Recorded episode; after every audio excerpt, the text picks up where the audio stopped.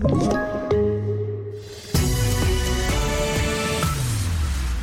Det här är nyheterna ifrån TV4 där vi börjar med att det bara är timmar kvar till riksdagens misstroendeomröstning mot statsminister Stefan Löfven. Och det mesta tyder på att regeringen kommer att falla. En väg är att följa Ingvar Carlssons exempel från 1990 när han avgick efter att han har fått motstånd av vänstern. Om man ska ta det som hände förra gången då när så här var, så ökar väl möjligen möjligheten att komma igen och bilda en ny regering. Kanske med andra partier och framförallt med ett annat program. Eh, jag hoppas väl kanske att han följer modell Ingvar Carlsson och lämnar in sin avskedsansökan. Där säger statsvetaren Maja Lemne.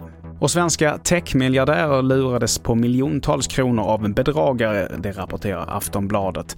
Gärningsmännen ska ha utnyttjat brister hos Skatteverket och SCB där man kunnat göra sig till deklarationsombud och på så sätt genomföra bedrägerierna.